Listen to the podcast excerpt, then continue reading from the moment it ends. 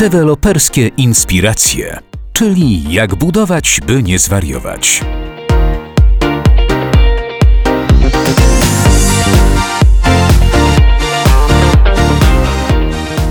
Podcast 3D Estate. Witamy Was bardzo serdecznie. Aneta Kuberska. Krzysztof Kuniewicz. Zawsze zwracamy uwagę na to, żeby zaszczepić to myślenie każdemu pracownikowi, żeby każdy miał z tyłu głowy ten głos, a czy nie można by tego zautomatyzować jednak? Mówi Damian Podwiązka, współzałożyciel i prezes zarządu 3D State o podejściu do automatyzacji. To z pewnością część DNA 3D State. Tak, wszystko ma być automatycznie. I to jest już takie pytanie z tyłu głowy. Robię coś i się zastanawiam, a czekaj, czekaj, nie dałoby się tego zautomatyzować? No właśnie, czy wszystko da się zautomatyzować i czy wszystko warto automatyzować?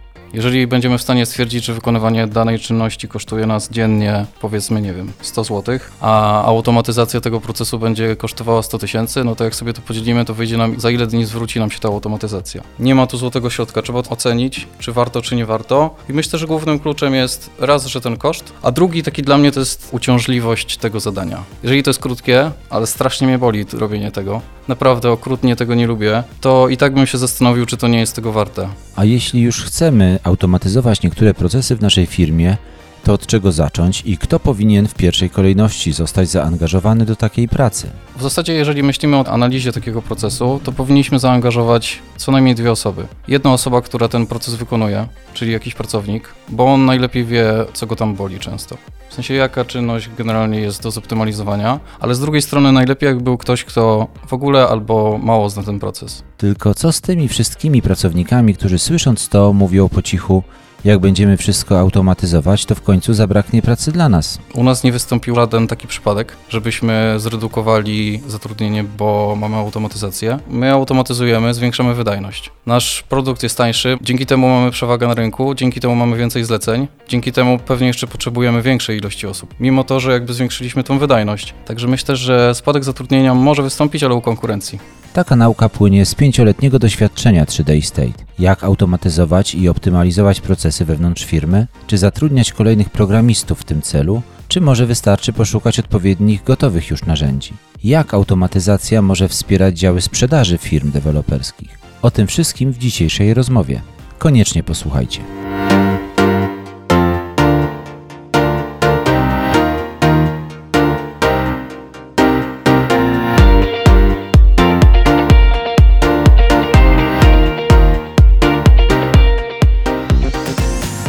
To podcast 3D Estate. Zachęcamy do pozostania razem z nami, tym bardziej, że dziś e, gościem a właściwie współgospodarzem tej rozmowy jest e, prezes 3D Estate, e, Damian Podwiązka. Witamy cię serdecznie. Cześć, witajcie. Jesteś odpowiedzialny w teamie prezesów 3D Estate za technologię, więc dzisiaj o technologiach będziemy sporo rozmawiać.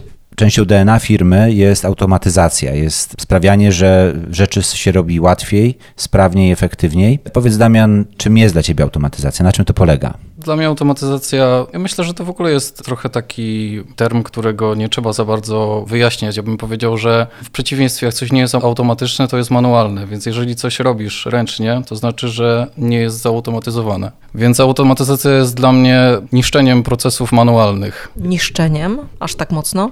Tak, y, znaczy ja bym powiedział, że mocno, bo we mnie jak repetytywne zadania budzą w moim mózgu jakiś taki bardzo negatywny bodziec, dlatego no już się już czasem śmieję, że to przeradza się w pewną obsesję. Takie... Że wszystko ma być automatycznie. Tak, wszystko ma być automatycznie. Mhm. I to jest już takie pytanie z tyłu głowy gdzieś, że robię coś i się zastanawiam, a czekaj, czekaj, że nie dałoby się tego zautomatyzować. Nawet jakby nie zawsze to jest dobra myśl, bo czasem pewnie nie warto, no ale mam tak, że raczej chciałbym wszystko, chociaż nie wszystko się opłaca po prostu. To zanim coś opłaca automatyzować, to jeszcze muszę pociągnąć ten wątek, bo używasz takich sformułowań, które mogą być trudne dla niektórych naszych słuchaczy. Dlaczego warto automatyzować i czy to jest związane tylko i wyłącznie z takimi technologiami, narzędziami, programowaniem, czyli tym, czym się zawodowo zajmujesz i w czym specjalizuje się 3D Estate. Czy my dla automatyzacji e, możemy poszukać takich przykładów e, w życiu codziennym? Właśnie nie chciałbym też, e, tak e, myślę, że dobrze stwierdzasz, żebyśmy nie poszli tylko w stronę takiej technologii i mówili tutaj o algorytmach, które same coś robią, bo jakby mówiąc o automatyzacji, możemy też myśleć o automatyzacji procesów, czyli możemy w zasadzie przyjrzeć się czemuś i nie używając żadnego algorytmu, żadnego komputera, ten proces zautomatyzować z perspektywy jakby menadżera czy właściciela tego procesu. No bo tak naprawdę możemy to zrozumieć tak, że jeżeli proces w firmie da się określić jakimiś krokami i nauczymy te kroki odpowiednich ludzi, postawimy osoby na mm, odpowiednich stanowiskach z odpowiednimi kompetencjami i ten team, ta drużyna będzie wykonywać mm, te zadania w taki sposób, że nie będą mnie angażować w żadnym stopniu albo minimalnym, to proces jest zautomatyzowany.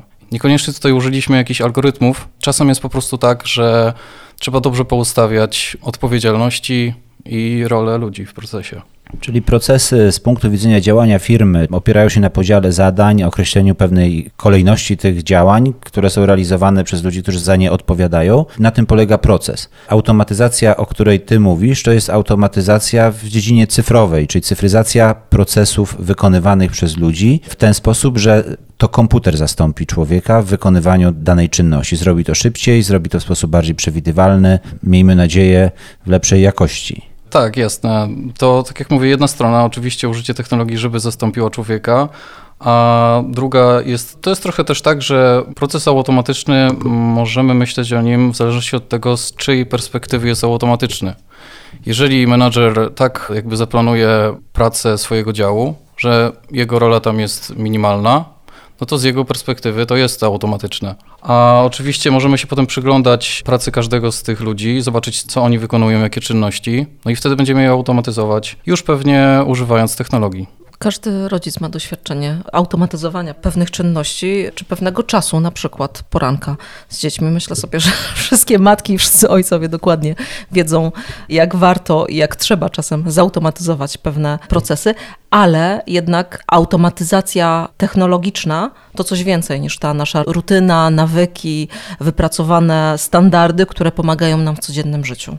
Tak, jasne. Aczkolwiek do życia prywatnego też ta automatyzacja wchodzi. Trochę tak może jakby nie widzimy tego tak z dnia na dzień, ale jakbyśmy sobie przyjrzeli, jak wyglądało życie ludzi tam 20-30 lat temu, no to jednak teraz pralka automatycznie pierze, a ekspres do kawy pewnie teraz już z użyciem smart home'u można by ustawić rano, żeby nam zrobił kawę. To jest automatyzacja, już nie musimy też nawet myśleć o tym, żeby to się stało. Odkurzacze jeżdżą same, odkurzają. Więc y, jak najbardziej w życiu prywatnym można sobie też rzeczy poautomatyzować. Chociaż szczerze powiedziawszy, jakby ja osobiście takich w życiu prywatnych automatyzacji nie używam dużo. Może jeszcze muszę po prostu y, zgłębić temat bardziej, zastanowić się też jakby pod takim względem nad tym. Powiedzmy w związku z tym, gdzie lepiej odpuścić sobie, albo kiedy lepiej sobie odpuścić pomysł automatyzowania. Jasne, no tutaj to już, e, jeżeli sobie zadajemy pytanie, już tak powiedzmy w kontekście biznesowym, czy coś automatyzować, czy w ogóle warto, no to to jest prosta dosyć kalkulacja. E, koszt automatyzacji na koszt wykonywania tej czynności. Jeżeli będziemy w stanie stwierdzić, że wykonywanie danej czynności kosztuje nas dziennie x złotych, powiedzmy, nie wiem, 100 zł, a automatyzacja tego procesu będzie kosztowała 100 tysięcy, no to jak sobie to podzielimy, to wyjdzie nam, za ile dni zwróci nam się ta automatyzacja. No i to jest takie, jakby często się spotyka mm, stwierdzenie, że a, to 5 minut to trwa, nie będę automatyzował, bo to w sumie są 3-4 kliknięcia. Ja mam przez to, że bardzo lubię, to mam po prostu straszną ochotę wtedy i tak to zautomatyzować. To już nawet, a jest taka trochę przywara programistów, że czasem się śmiejemy, że programista ma do wyboru zrobić coś w 5 minut, czy napisać narzędzie w 5 godzin, żeby to automatyzowało. On wybiera pisze narzędzie. Chociaż możliwe, że to będzie narzędzie użyte trzy razy, i jakby nigdy ten czas, albo zwróci mu się to gdzieś tam już na emeryturze gdzieś, a pewnie już wtedy technologia się zmieni. No więc to jest taka, tak wygląda ta kalkulacja. Tak jak mówię, ja mam taki straszną zawsze chęć tego automatyzacji, bo jest jeszcze trochę taki aspekt, że jak mamy coś zrobić, nawet szybkiego, to to gdzieś tam zajmuje miejsce w głowie jednak. Nawet jak trzeba siąść, coś zrobić 5 minut, to już innej rzeczy się wtedy nie robi. Gdzieś tam musimy się przestawić na inne zadanie, wykonać go. Też przestawianie się między zadaniami to jest coś, co przynajmniej mój mózg dosyć męczy. Więc ja nawet jak mam 5 minut, to starałbym się automatyzować, ale też jakby nie ma tu złotego środka. Trzeba to zdrowo, rozsądkowo ocenić, czy warto, czy nie warto.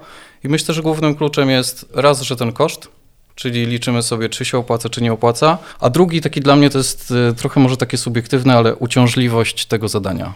Czyli jeżeli to jest krótkie, ale strasznie mnie boli robienie tego, po prostu naprawdę okrutnie tego nie lubię, to i tak bym się zastanowił, czy to nie jest tego warte. Nawet jakby ta kalkulacja pieniężna miała się nie spiąć. Zejdźmy może z tych y, trochę obłoków, automatyzować, nie automatyzować, upraszać, bo na poziomie takim czysto technicznym wszyscy się zgodzimy, że jedne rzeczy warto, a innych nie warto.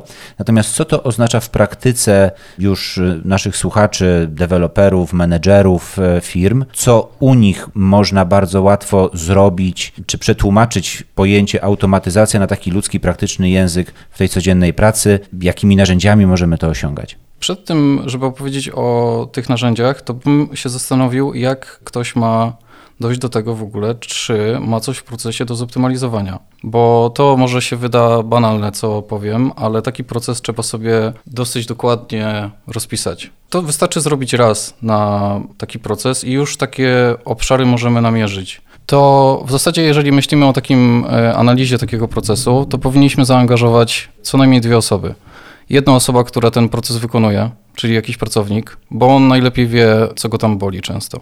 W sensie, jaka czynność generalnie jest do zoptymalizowania, ale z drugiej strony najlepiej, jakby był ktoś, kto w ogóle albo mało zna ten proces. Bo ja się tak śmieję, że automatyzacja to jest bardzo rzecz taka z natury wyjęta troszkę, bo nasz mózg sam automatyzuje. Jakby trochę jest tak, że zaczynamy jeździć samochodem, zmieniamy biegi, czynność jest manualna, wejdzie to w nawyk i czynność została zautomatyzowana.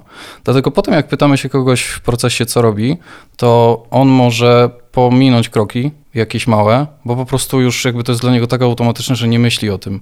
I ja tutaj raz jakby dla takiego procesu byłbym takim świrem po prostu co do szczegółowości, jak bardzo szczegółowo to trzeba zrobić, bo to jest taki może prosty przykład, jak nie wiem, ktoś ma tam zadanie wymodeluj budynek w 3D.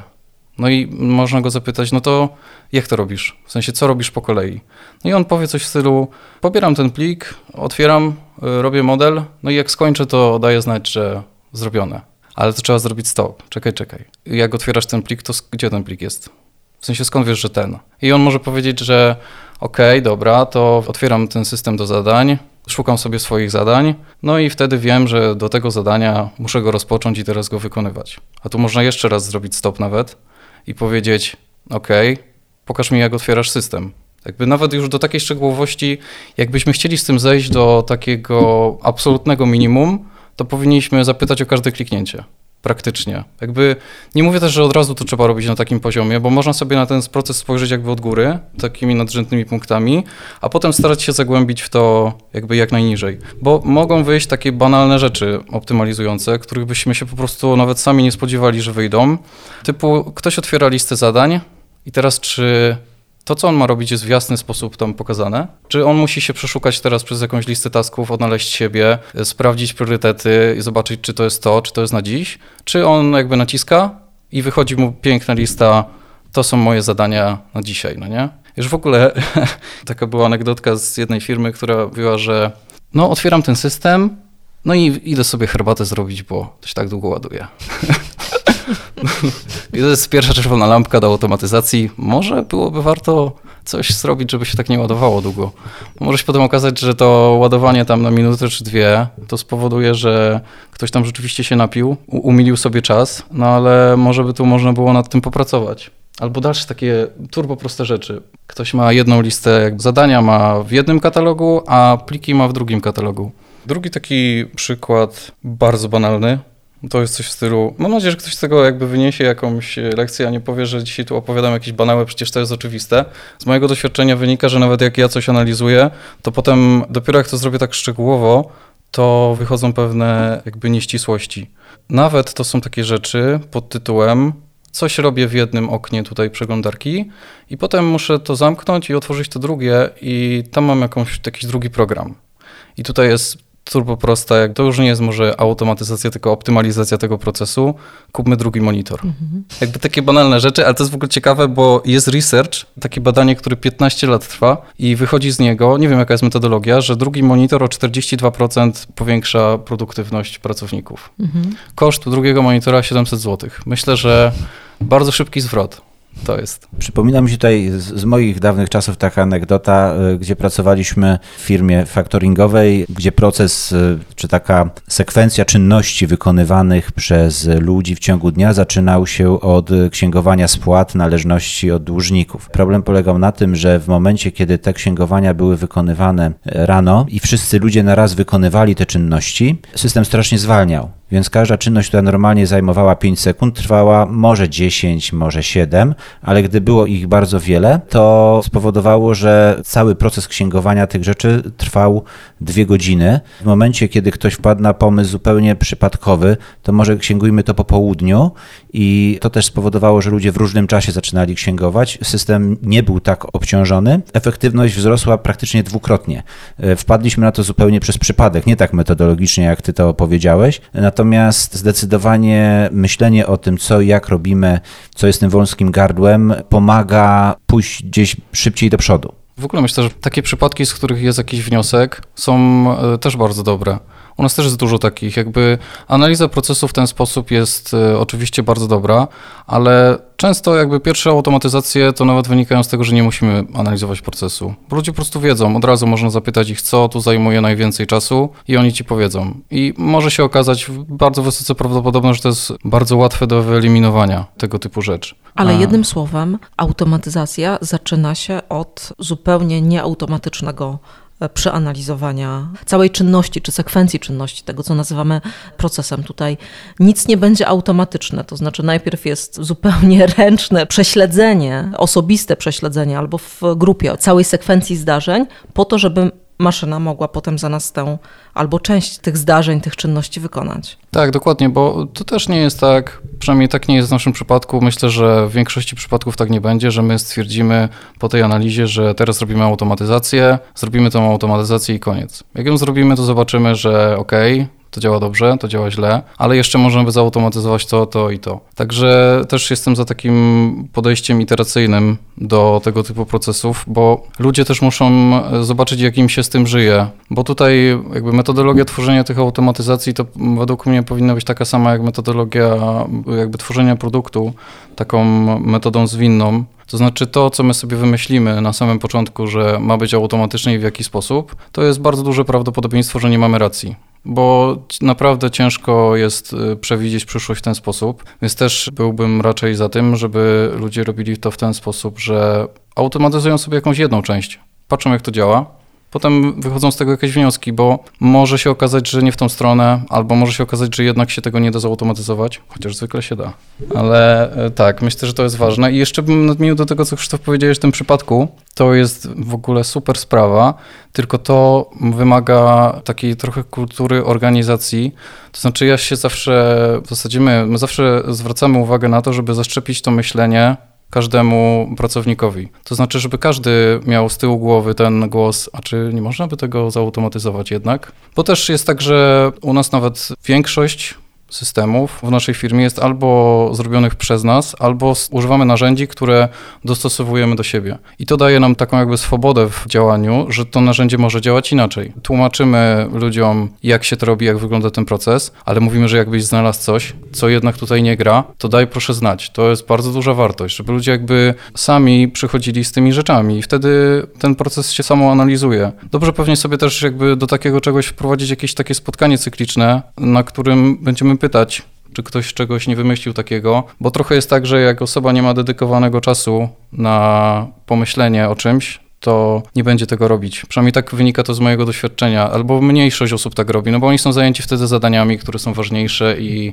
jakby nie ma wtedy czasu myśleć o tych automatyzacjach. Więc dobrze ten proces prześledzić i zaszczepić takie myślenie, że ale to nie jest wykute w skalę. Jakby ten proces ani ta automatyzacja nie jest wykute w skalę. Jeżeli zobaczymy, że to działa inaczej, że to ma działać inaczej, to, to zmienimy i u nas się to udaje. Jakby dużo jest takich wniosków, jakby z działów nawet produkcyjnych, że oni mówią, że nie, no nie może to tak działać. Znaczy tutaj po prostu jest inaczej, no planowaliśmy tak, ale wyszło jakby w praktyce, w życiu inaczej, no i wtedy zmieniamy. Więc y, dlatego ta iteracja jest ważna i to bym przestrzegał, żeby sobie nie planować tego jakby Bóg wie jakiego od razu wielkiego bo to się może po prostu zmienić. No i wydaliśmy po prostu pieniądze, czas, swój energię na to, żeby, żeby robić coś, co w efekcie jednak nie zdaje egzaminu. A pracownicy nie boją się automatyzacji? Bo różnie podchodzimy do automatyzacji też w świecie i część osób mówi, jak wszystkim zajmą się roboty, to czym będą zajmować się ludzie?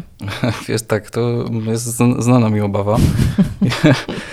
Ja... To jest pytanie, czy ci pracownicy, skoro 3D Estate jest otwarty na to, żeby automatyzować i mówi, wskazujcie jako nasi pracownicy, wskazujcie te przestrzenie, te obszary, gdzie można automatyzować, czy ci pracownicy chętnie e, je wskazują? Wiesz co, nie wszyscy. Jakby ja nadal próbuję to zaszczepić każdemu. Wiem, że to może być takie, że się nigdy nie uda. Jeżeli chodzi o ten strach przed zwolnieniem w związku z automatyzacją, to u nas nie wystąpiło żaden taki przypadek żebyśmy zredukowali zatrudnienie, bo mamy automatyzację. Ale czemu tak się dzieje? Bo tak, no, my automatyzujemy, zwiększamy wydajność. Nasz produkt jest tańszy, możemy go zaoferować klientowi tańszego i lepszego. Dzięki temu mamy przewagę na rynku, dzięki temu mamy więcej zleceń, dzięki temu pewnie jeszcze potrzebujemy większej ilości osób. Mimo to, że jakby zwiększyliśmy tą wydajność. Także myślę, że spadek zatrudnienia może wystąpić, ale u konkurencji. Z mego doświadczenia e, zawsze miałem świadomość, że dużo czynności wykonują ludzie na co dzień, za które płacimy. Płacimy ludziom pensję za, za czas spędzany w firmie, natomiast mam wrażenie, że bardzo wiele rzeczy jest wykonywanych, które nie są warte tych pieniędzy, nie są warte tego czasu, że ludzie mogliby się bardziej rozwijać, mogliby robić rzeczy bardziej ambitne, bardziej ciekawe, ale jeszcze trzeba może tą tabelkę poprawić, albo jeszcze jakieś inne dane pozyskać, albo coś, a potem są już zmęczeni, albo jest po prostu godzina 17 i trzeba iść do domu. Więc automatyzowanie trochę tych, powiedzmy w cudzysłowie, pewnym zbędnych czynności, albo takie wyciśnięcie z tego czasu jak najwięcej, jest czymś, co, co tak naprawdę nam pomaga, a nie, a nie stanowi ryzyka czy zagrożenia dla, dla ludzkiej pracy. Tak, dokładnie. Jakby stuprocentowo się zgadzam. Pierwsze czynności do automatyzacji to są raczej te repetytywne i wierzcie mi, żaden nasz pracownik nie lubi robić tych rzeczy. Jeżeli coś nie jest zautomatyzowane, często w taki głupi sposób, trzeba przekleić dane z jednego miejsca do drugiego i to są te, te zadania, które bolą. Wydaje mi się, że jakby to jest też w drugą stronę. Jeżeli mielibyśmy więcej ludzkiego czasu, to robilibyśmy rzeczy lepsze i bardziej ambitne jeszcze. Jakby wtedy moglibyśmy upchnąć w tej ostatecznej cenie produktu pewnie więcej i lepszych rzeczy. Możemy jakby lecieć teraz w filozoficzne dysputy, zastanawiać się, czy niedługo sztuczna inteligencja nas wszystkich nie zastąpi. Myślę, że to jeszcze, jeszcze nie jest ten czas. A jak widzisz rolę sztucznej inteligencji w takim razie w e, automatyzacji i w ogóle w biznesie? Jeżeli miałbym mówić o automatyzacjach, które są bez udziału sztucznej inteligencji, to one jednak wymagają od nas takiego bardzo precyzyjnego określenia, na czym polega ten proces i jakie są zawarte w nim warunki. Czyli jeżeli my tam zdiagnozowaliśmy ten proces wcześniej przy naszej analizie i zobaczyliśmy, że przeklepujemy z tabelki do tabelki albo z pola do pola, tylko jeżeli coś jest większe niż 5, to do tabelki 1, a jeżeli jest mniejsze niż 5, to do tabelki 2. Jakby to daje taki głupi przykład no to to można zautomatyzować w ogóle bez sztucznej inteligencji i nie ma problemu, bo my potrafimy zdefiniować algorytm. Tu, gdzie sztuczna inteligencja wchodzi, będziemy mogli automatyzować rzeczy, w których my nie wiemy, jaki jest algorytm do końca. Po prostu to jest zadanie tej optymalizacji tej sieci neuronowej, żeby ona znalazła zasady a nie jakby zostawiła te zasady nam. I tutaj nam się tak naprawdę otwiera taka nieskończona droga już do automatyzacji, moim zdaniem, no bo nie ma rzeczy, której by się nie dało zautomatyzować, biorąc pod uwagę nasze najnowsze jakby osiągnięcia mm, sztucznej inteligencji. Patrząc na zagrożenie czy na szanse, jakie sztuczna inteligencja E, niesie. Przypomina mi się takie zjawisko, które niedawno Nassim Taleb w swojej książce nazwał czarnym łabędziem, czyli takim niespodziewanym zdarzeniem, które coś zmienia. Zazwyczaj to jest coś negatywnego, jakiś dramat, jakiś, jakiś szok, tak jak COVID. Natomiast e, można sobie wyobrazić, że jest coś, co jest białym łabędziem, czyli e, jakimś niespodzianym, nowym czymś, co się pojawia wokół nas i też zmienia naszą rzeczywistość. Czy sztuczna inteligencja Twoim zdaniem jest czarnym łabędziem, czy bardziej białym łabędziem z tego punktu widzenia, czy jest w ogóle łabędziem? Czy w ogóle jest łabędziem? Czy była niespodziewana?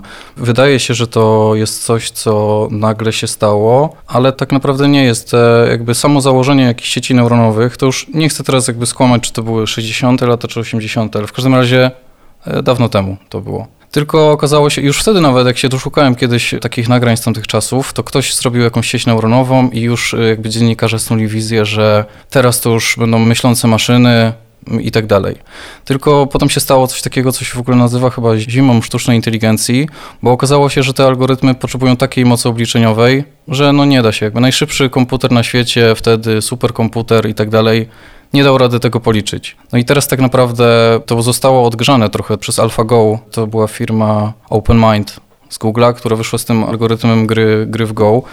No i okazało się, że jakby hardware nadrobił. Już mamy na tyle szybkie komputery. Oczywiście to nie jest tak, że to są dokładnie te same algorytmy, tylko puszczone są teraz na szybszych komputerach, bo software'owo też e, jakby ludzie poszli dużo do przodu, zoptymalizowali sporo rzeczy, żeby to się liczyło szybciej. No i to okej, okay, możemy stwierdzić, że było to, ale o takich rzeczy pewnie jest jeszcze dużo, o których nie wiemy. I to jakby jak to wyszło, stało się tym łabędziem, no to był moment, kiedy OpenAI tak naprawdę wypuściło chat GPT bo on dopiero sprawił, że publika jakby cała się dowiedziała. Nagle, że jest taka sztuczna inteligencja, chociaż u nich w laboratoriach to już było od kilku lat. Na pytanie, czy to był łabędź, to był, ale schowany.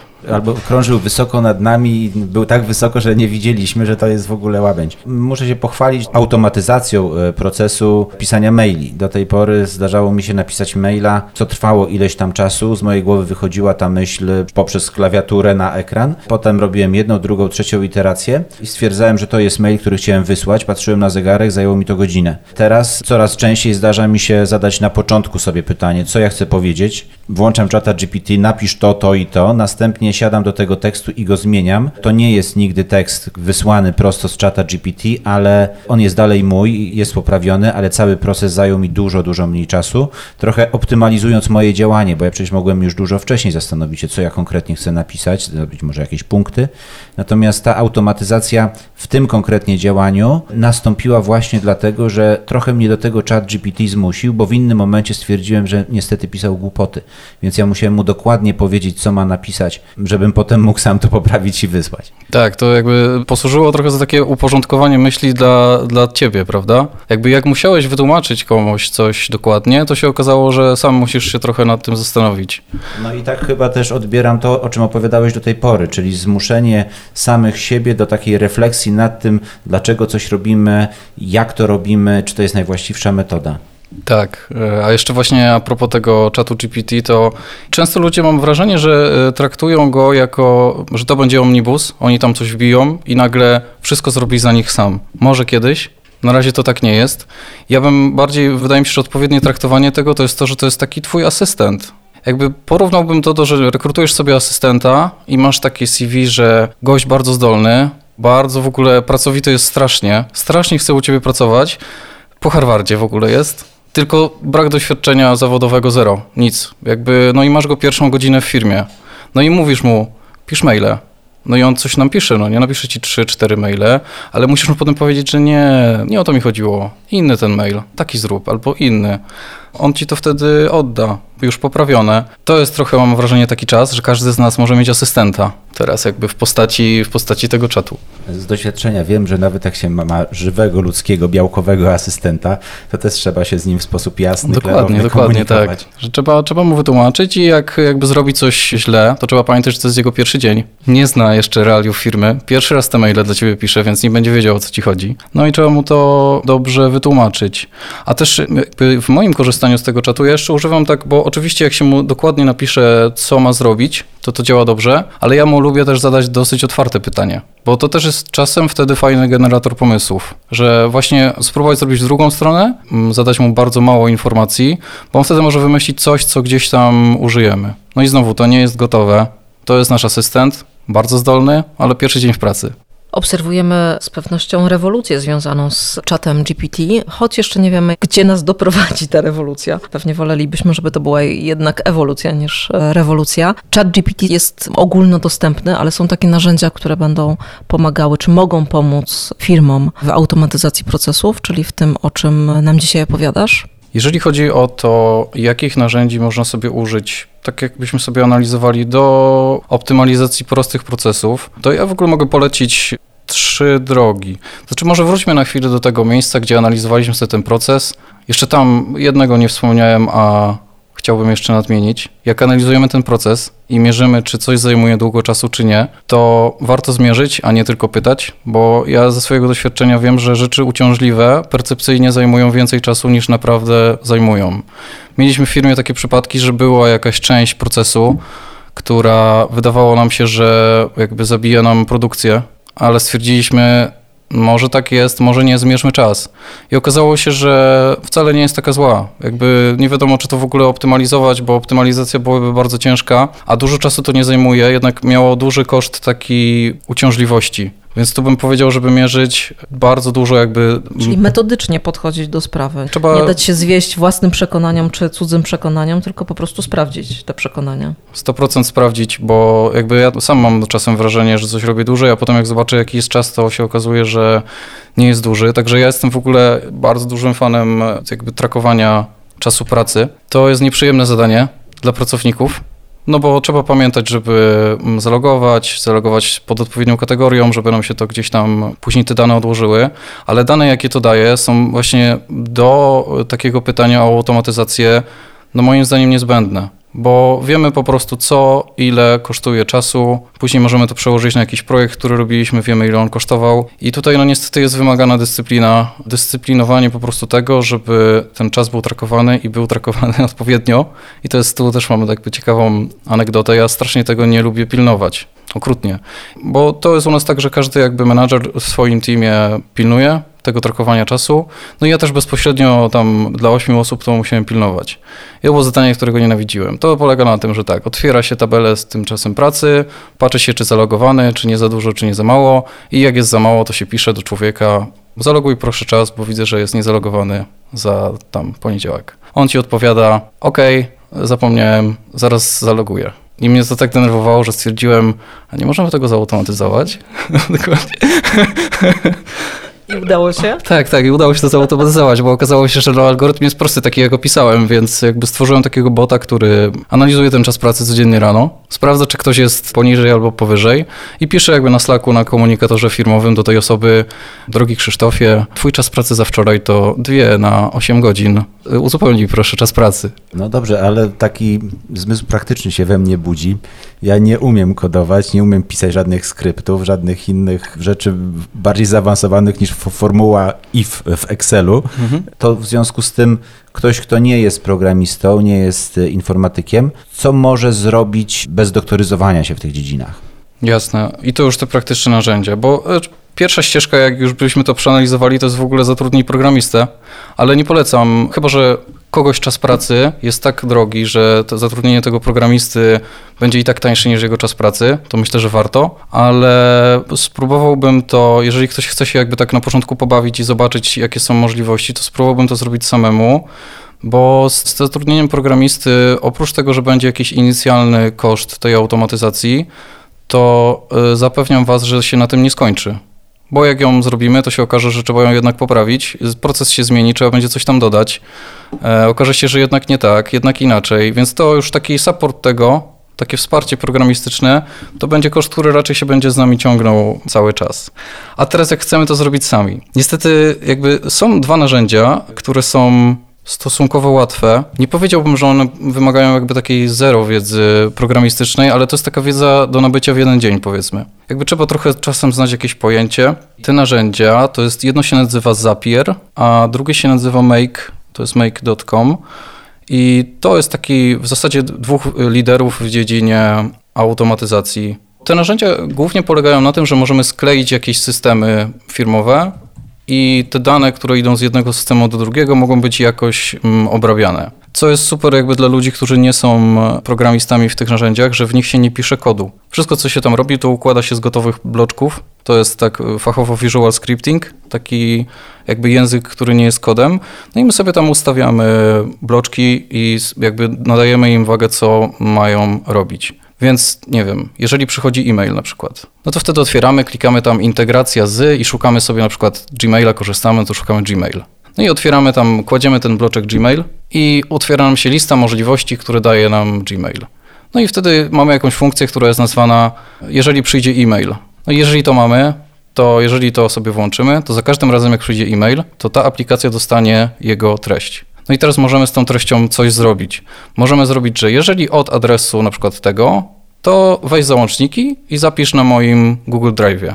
O, Taka prosta automatyzacja. Czyli przekładając to na pracę biura sprzedaży, przychodzi mail na skrzynkę ogólnodostępną zapytania klientów czy kontakt małpadeveloper.pl. Przychodzi sobie mail, nasz skrypt mógłby zrobić wtedy coś takiego. Otwórz ten mail, otwórz program CRM, y, zapisz to pod adresem mailowym przypisanym do jakiegoś klienta w tym CRM-ie. Czyli innymi słowy, pracownik, który wykonuje pracę, już nie musi tego maila w żaden sposób kojarzyć, przepisywać czy kopiować do CRM-u, gdyż formuła, którą sobie wcześniej zdefiniujemy, zadziała w sposób automatyczny, tak, że ten mail, ta wiadomość od klienta sama się znajdzie w CRM-ie, tak, żeby później pracownik opiekujący się danym klientem miał całą historię całej komunikacji z danym klientem jak najbardziej pod ręką. Czyli to jest jedna z takich najbardziej podstawowych rzeczy, która prawdopodobnie jest w stanie wiele, wiele godzin pracy sprzedawców przekierować na bardziej e, produktywne tory. Tak, dokładnie. To jest takie, jak mówię, to jest sklejenie dwóch e, jakby osobnych systemów w firmie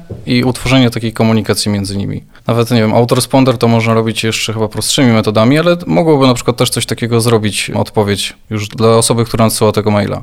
Czyli jeżeli przyszedł e-mail, to odpisz z treścią dziękujemy za kontakt, skontaktujemy się X. Tak jak mówisz, później otwieramy sobie integracja z nasz CRM. Oczywiście może tej integracji tam nie być, ale jeżeli korzystamy z jakichś takich popularnych programów, to większość rzeczy tam jest i to są setki mm, jakby takich integracji. E, no i takie rzeczy możemy sobie definiować. Możemy też ściągać coś z Exceli, wklejać do drugich Exceli. Możemy tam obserwować nawet, czy w Excelu pojawiła się jakaś wartość. Jeżeli się pojawi, to robimy coś innego. Tutaj też jakby w takich automatyzacjach prostych to dużą rolę odgrywa sprawny system zarządzania zadaniami. Właśnie w sprzedaży, no to żeby to był dobry CRM, żeby on miał po prostu sporo możliwości, bo też część rzeczy można automatyzować sobie już w takim programie. Możliwe, że nawet jest część ludzi nieświadoma, że takie programy mają w sobie często automatyzację, tylko tak jak mówię, to już zależy od programu, z jakiego korzystamy. Myślę, że każdy z nas, y, jak sobie sięgnie pamięcią do maili, które wysyła, na przykład będąc sprzedawcą, zauważy, że 70% maili wysyłanych w danych okolicznościach, a może 80% ma dokładnie taką samą treść. Więc y, to jest już pierwszy pomysł na automatyzację, prawda? Tak, dokładnie. Znaczy, podejrzewam, że jest dużo softów, jakby programów, które to robią, jakieś takie programy do automatyzacji wysyłania maili, ale jakbyśmy chcieli zbudować to sami, to jakby używając tych narzędzi to jest bardzo proste. Jeżeli byśmy byli w stanie podać w arkuszach nawet Excela, jakby w jednej komórce e-mail tego respondenta, w drugiej jakby listę tych maili i w drugiej treść tego maila, to napisanie automatyzacji, która zajrzy do tego arkusza i wyśle te maile, to jest, nie wiem, jakieś pół godziny. Podejrzewam, że coś takiego i co jest też ciekawe, można je ustawić, żeby się robiły cyklicznie o jakiejś godzinie, co 15 minut, co godzinę, pierwszego dnia miesiąca itd., tak itd. Tak Czyli można powiedzieć, że pół godziny pracy przy definiowaniu automatyzacji przekłada się na całe tygodnie, miesiące oszczędności czasu pracy sprzedawców, tudzież innych osób wykonujących te powtarzalne, bardzo proste czynności w firmie. Tak, myślę, że jeżeli w firmie nie podchodzono do automatyzacji zupełnie, to tam jest dużo takich e, jakby nisko wiszących owoców wtedy do wzięcia. Że może się okazać, że to jest super szybkie do zautomatyzowania i nie kosztuje dużo. Później jak będziemy szli dalej w to i dalej i drążyli jeszcze, co można zautomatyzować, to rzeczy się robią trudniejsze, i mogą też więcej kosztować przez to. I to chyba jest, znów e, wracając do tego, co powiedziałeś wcześniej, ta właściwa ścieżka, czyli nie, nie rzucamy się od razu na, na głęboką wodę i nie robimy rzeczy na zapas, tylko tą zwinnościową, czy jak gdzieś tam kiedyś mówiliśmy, agile'ową metodą, mhm. po prostu robimy te najprostsze rzeczy, najbardziej oczywiste, patrzymy jak działa, korygujemy, a potem robimy rzeczy coraz bardziej ambitne i po jakimś czasie mamy bardzo fajnie, sprytnie działający mechanizm, który oszczędza czas, który pozwala lepiej wykorzystać czas i pracować efektywniej, generować z perspektywy firmy większe zyski. To, czego ludzie mogą nie być świadomi, to jest to, że nie potrzebujesz programisty, żeby zrobić te proste rzeczy.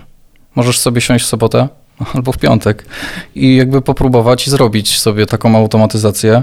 Tu bym tylko przestrzegał przed tym, że jeżeli będziemy to robić, to róbmy to na jakimś środowisku testowym. To znaczy nie wpinajmy tego może od razu w system, lepiej, że to jest może proste, ale jakby jest tak trochę, że interfejsy, których używamy jako użytkownicy, chronią nas w bardzo wielu aspektach nie pozwalają nam czegoś usunąć.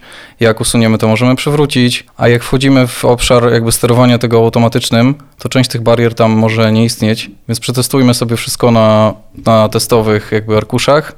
Jak będziemy uważać, że to jest ok i jest gotowe, to wtedy możemy to włączyć. Kiedyś się spotkałem z taką oceną osoby, która przeglądała jakieś rzeczy w ramach naszych systemów. Po pokazaniu właśnie tych automatyzacji, ktoś się złapał za głowę i powiedział: Przecież macie tu jak w korpo.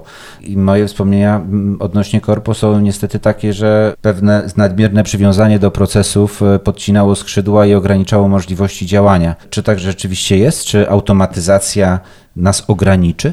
Wiesz co, ja tak usłyszałem to, stwierdzenie, to się tak zacząłem zastanawiać, jak to się stało. jak my tutaj doszliśmy teraz, że już ktoś stwierdził, że jesteśmy korporacją, skoro wtedy załogi było a może z 30-40 osób, coś takiego bym określał.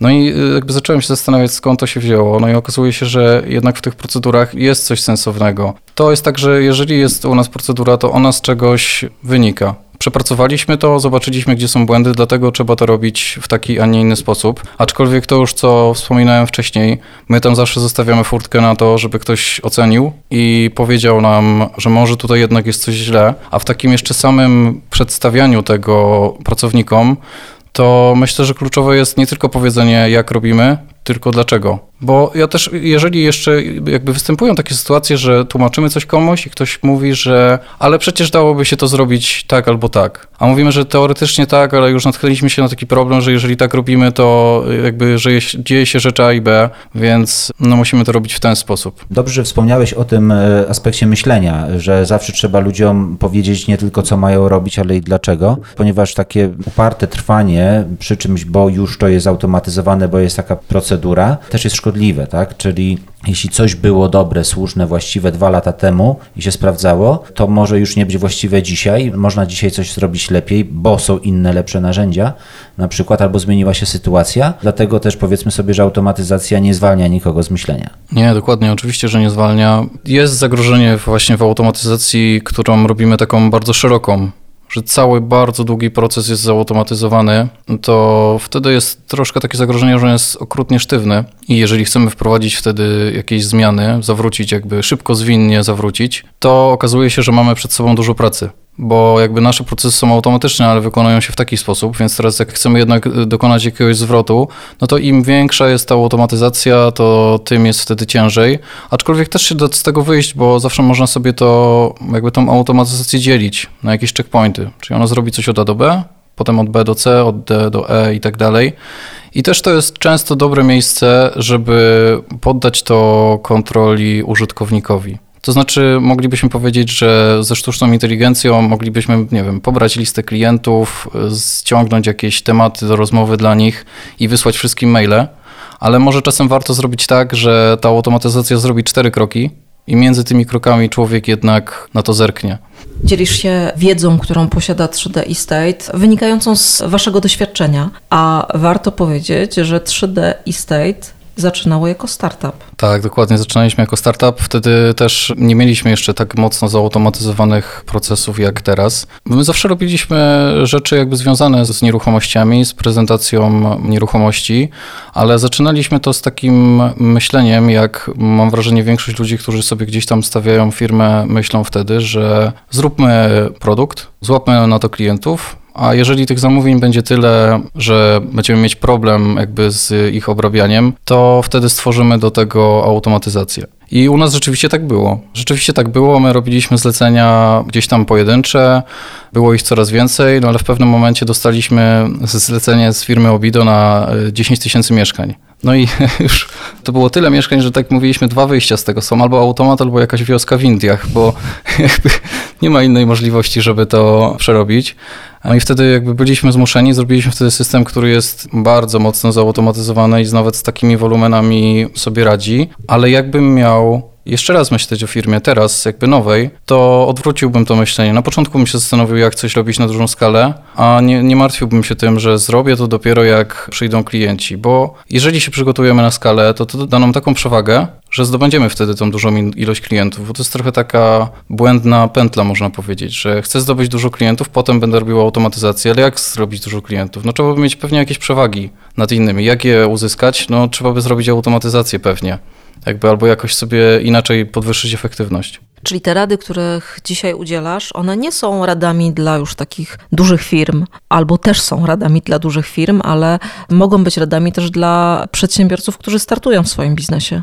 Tak, zdecydowanie. To znaczy, to nie jest jakaś nowość, którą mówię, to jest generalnie przygotowanie się na skalę, jeżeli chodzi o, o produkt, taka zbadanie, czy produkt jest skalowalny.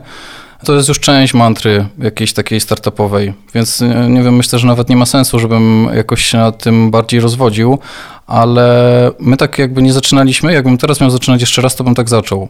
Na początku bym się upewnił, że to, co ja chcę robić, można wyskalować szybko na bardzo dużą ilość klientów i bardzo dużą liczbę sprzedanych jakby produktów, bo jak się nie da, to bym tego nie robił po prostu. Opowiedziałeś nam o tym, co jest za 3D Estate, w jakim miejscu w tej chwili jesteśmy, a co przed, jakie plany związane z automatyzacją i nie tylko. Oj, wiesz, u nas jakby problem z ilością pomysłów, co można zrobić, nie występuje. Mówią ludzie, że oj, teraz przyjdzie sztuczna inteligencja i programiści będą zwolnieni, bo ich wydajność skoczy razy 10. Ja myślę, że jakby naszym programistom skoczyła razy 20, to nadal miałbym dla nich pełną ilość zadań. Więc jakby tutaj nie mamy problemu. Przez to, że działamy w nowych technologiach, to my działamy w bardzo zmiennym środowisku. To znaczy z roku na rok jakby zarówno sprzęt, jak i software dostępny się zmienia, więc my możemy dostosowywać nasze narzędzia i w stronę tego, że będą bardziej efektywne i w stronę tego, że będą przynosić większą wartość, wartość klientowi. Od początku pracy z 3D State odnoszę takie wrażenie, że jesteśmy takim wyoutsourcowanym działem badawczo-rozwojowym dla deweloperów, bo cały czas pojawiają się nowe pomysły, one pojawiają się, przychodzą właśnie od naszych klientów. Klientów już mamy, można powiedzieć, na setki, dlatego i tych pomysłów, i tych potrzeb jest bardzo wiele. I gdyby sobie pomyśleć, że każda z tych firm miałaby próbować wykonać we własnym zakresie choćby część tego, co jest robione u nas, to by były ogromna ilość pieniędzy, ogromna ilość zasobów. Stąd to skojarzenie z wyoutsourcowanym właśnie działem badawczo-rozwojowym. Jak ty to postrzegasz? Tak, to zgadzam się z tym w 100%. Bardzo dużą część u nas poświęconych zasobów idą na, na badanie i rozwój, na stworzenie coraz lepszych narzędzi, szybszych i wydajniejszych. Ja myślę wręcz, że to nas mocno odróżnia od wielu firm konkurencyjnych, że mamy taką kulturę ustawicznego jakby rozwoju naszych narzędzi. I ja nie widzę końca Mógłbym sobie wyobrazić ten koniec, że to narzędzie jest już takie, że nic tam nie muszę robić, tylko no musiałoby to chyba wyglądać tak, że samo nam łapie klientów, y, rozmawia z nimi, zbiera od nich potrzeby, produkuje nasze produkty, no i oddaje tym klientom. I tam jeszcze musiał być pewnie taki moduł samodoskonalenia, że ono sobie tam myśli w ogóle, co zrobić teraz lepiej na podstawie tych rozmów z klientami i z tego tworzy jakiś backlog y, nowych pomysłów. Więc myślę, że jeszcze mamy sporo czasu, zanim, zanim to się stanie optymistycznie podchodzą do sprawy prezesi 3D Estate. Damian Podwiązka dzisiaj był razem z nami. Bardzo serdecznie dziękujemy Ci za wiedzę, którą się z nami podzieliłaś. Dziękuję również. Deweloperskie inspiracje, czyli jak budować, by nie zwariować.